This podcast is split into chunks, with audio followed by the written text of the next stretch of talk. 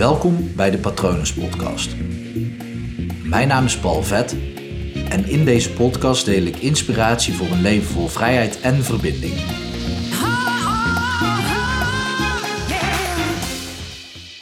Contra rotulus. Op zijn Brabants uitgesproken, maar het is eigenlijk Latijn. Of Latijns, ik weet niet eens hoe ik dat zou moeten zeggen. Maar het betekent eigenlijk het tegenhouden van het wiel, het tegenhouden van het rollen. En dat is eigenlijk de vertaling voor controle. En dat is interessant, want controle lijkt er inderdaad heel erg op beducht om beweging tegen te houden, om iets te controleren. En laat controle nou het tegenovergestelde zijn van groei dan, als je er zo naar kijkt. En toch zijn we geneigd om vele dingen in ons leven te proberen te controleren. En ik ben eigenlijk heel erg benieuwd wat in jouw leven het ding is waar jij nu nog controle over uitvoert, terwijl je eigenlijk weet dat je dat zou los moeten laten. In plaats van de controle vasthouden, controle loslaten. Ik ben heel erg benieuwd of dat er dan meteen iets bij jou naar boven komt. Want daar waar jij dus controle over probeert te hebben, dan hou je iets vast wat eigenlijk in beweging wil komen. En controle stagneert dus jouw persoonlijke groei. En ik snap heel goed waarom wij met z'n allen geneigd zijn om dingen te controleren, want het geeft een gevoel van veiligheid, van zekerheid. En dat is logisch, want we hebben het idee dat als wij controle ergens over hebben, dat wij veilig zijn. En nu is het heel goed dat je het idee hebt om controle te hebben over dingen. Dus op het moment dat jij drie keer in de week gaat sporten, dan heb jij het gevoel dat jij controle hebt over je conditie en over je fysieke gesteldheid.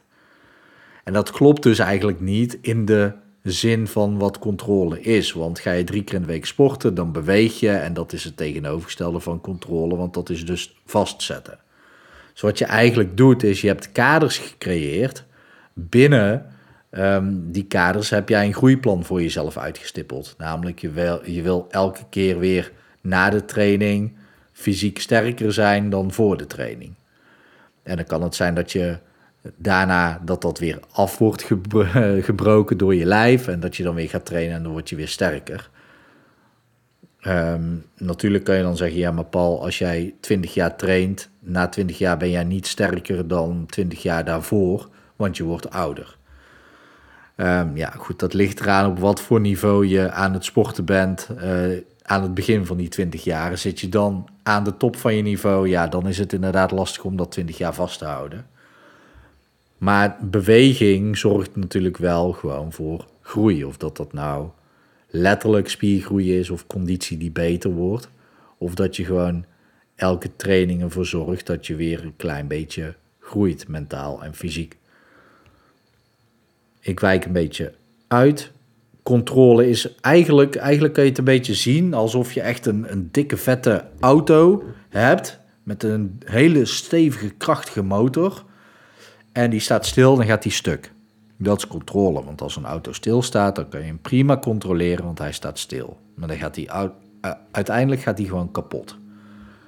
Op het moment dat jij een auto hebt en jij drukt het gaspedaal in, echt diep in, een automaat, echt flink gas geven. En trouwens bij een, een uh, geschakelde auto ook. Maar je, je houdt de auto vast. Dus je geeft echt gewoon flink gas maar je zet de auto vast dat hij niet in beweging komt. Dan, en vooral met een krachtige motor, dan begint heel die auto te schudden. De banden beginnen te draaien en te slippen. Er uh, komt rook van de banden af. Uiteindelijk gaat die motor natuurlijk ook uh, oververhit raken. Er gebeurt van alles met die auto, maar hij blijft wel stilstaan op zijn plek op het moment als er dan geen houden meer aan is, wanneer jij dus die controle over die auto gewoon niet meer kan hebben en je laat hem dan los, ja, dan kan er echt van alles gebeuren, want dan schiet hij echt alle kanten op. Je hebt gewoon geen controle over of dat hij recht vooruit gaat, of misschien een klein stukje recht vooruit en dan slipt en draait, of dat hij gewoon hop meteen links de muur in knalt. Dat weet je gewoon niet, omdat er zoveel kracht al is aangemaakt, zoveel energie is er al opgebouwd in die auto. Ja, dat valt dus niet meer te controleren. En dat is eigenlijk een beetje hetzelfde als wanneer jij dus controle probeert uit te oefenen over dingen in je leven. Want dingen in je leven die bewegen. Alles is beweging. Alles beweegt. Zelfs het apparaat waar je dit nu op luistert, die moleculen bewegen. Die atomen bewegen. Daar zit beweging in. Ze bewegen zo snel dat je uh, gewoon vaste materie creëert, maar het is beweging. En dat is gek om te beseffen. Dat kan je, mijn brein kan daar in ieder geval niet bij. Ik ga ervan uit dat jij dat ook lastig vindt. Dat je naar vaste materie kijkt en dan ja, zou moeten begrijpen dat dat iets is wat beweegt. ik probeer nu naar mijn tafel te kijken, maar ik, ik kan er gewoon met mijn gedachten niet bij. Maar alles is beweging. En alles wat je dus vast probeert te zetten of vastzet, daar, daar wordt energie in opgebouwd. En energie die zich opbouwt in je lijf, is dat voornamelijk, die niet in beweging kan komen, die je niet kunt laten stromen, ja, dat gaat gewoon echt klachten opleveren uiteindelijk. Dat gaat gedoe opleveren. En het is dus belangrijk dat er echt een nieuw nuance in zit, want op het moment dat jij het idee van controle hebt, doordat je bijvoorbeeld een proces voor jezelf hebt afgesproken, dat je ochtends, zodra je opstaat, dat je je bed opmaakt. Dat is een gevoel van controle. Dan heb je het gevoel dat jij de touwtjes in, je, in handen hebt en dat je het leven aan kan. En dat is echt heel goed om te hebben, want die vorm van controle geeft je ook een gevoel van veiligheid in je leven. En dat geeft vaak een voorsprong op mensen die dat niet ervaren ten opzichte van het doen van een depressie. Dus het is belangrijk om dat gevoel van controle wel te hebben. Maar het enige wat je controleert zijn de kaders binnen wat jij beweegt. En de kaders is dus bijvoorbeeld elke ochtend sta ik op en dan maak ik mijn bed op. Dat klopt, je staat op, dat is beweging. Je bed opmaken is beweging. En er is een nieuwe dag en elke nieuwe dag is anders. Dus dat is gewoon in beweging. Je zou zelfs kunnen zeggen, elke keer wanneer jij je bed uh, opmaakt, is het een nieuw bed. Het klinkt gek, maar ja, elk, elk moment is een nieuw moment, dus alles is nieuw.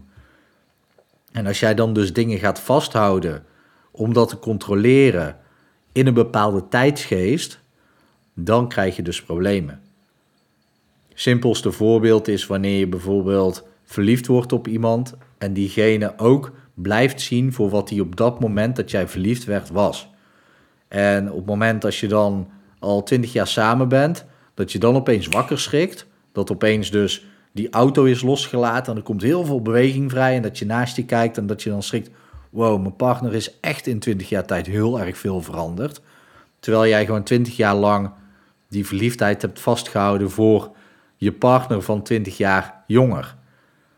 Dat gebeurt letterlijk wel eens bij, mensen. Dat ze opeens wakker schrikken, soort van uit hun droom. En denken: wow, hoe, hoe ben ik hier in mijn leven beland met deze partner?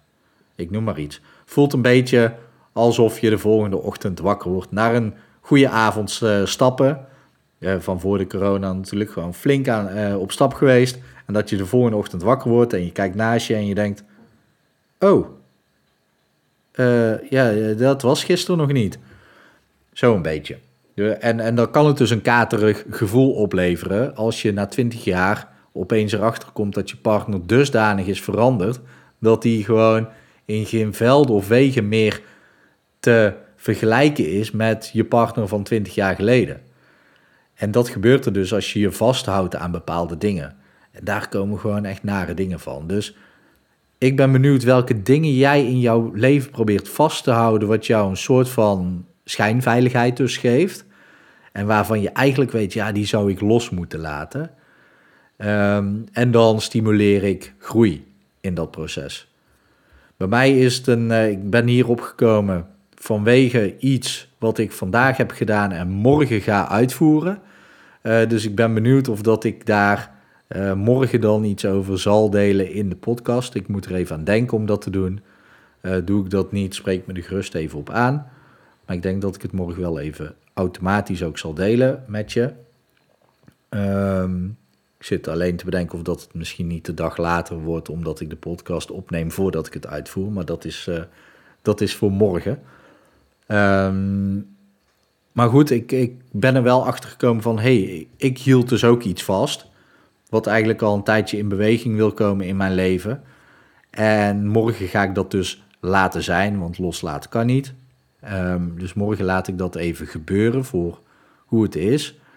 En waarom ik dus ook weet dat het automatisch naar voren zou komen en dat, dat het helpen. Nou, wacht. Ik, ik zal het iets duidelijker maken. Ik heb een plan voor mezelf uitgestippeld. Een groeiplan. Dat doe ik altijd. En binnen dat groeiplan hoort de stap die ik morgen ga zetten. Doordat ik dat plan heb ontwikkeld, komt die stap vanzelf voorbij en maak ik mezelf dus los uit de controle die ik uitvoerde. En daarom is het zo handig voor jou ook om een groeiplan uit te stippelen en je dan aan die stappen te houden, omdat je weet dat die stappen jou dichter bij je doel gaan brengen. Dan moet je natuurlijk wel weten wat je doel is, maar goed, dat is voor een andere aflevering.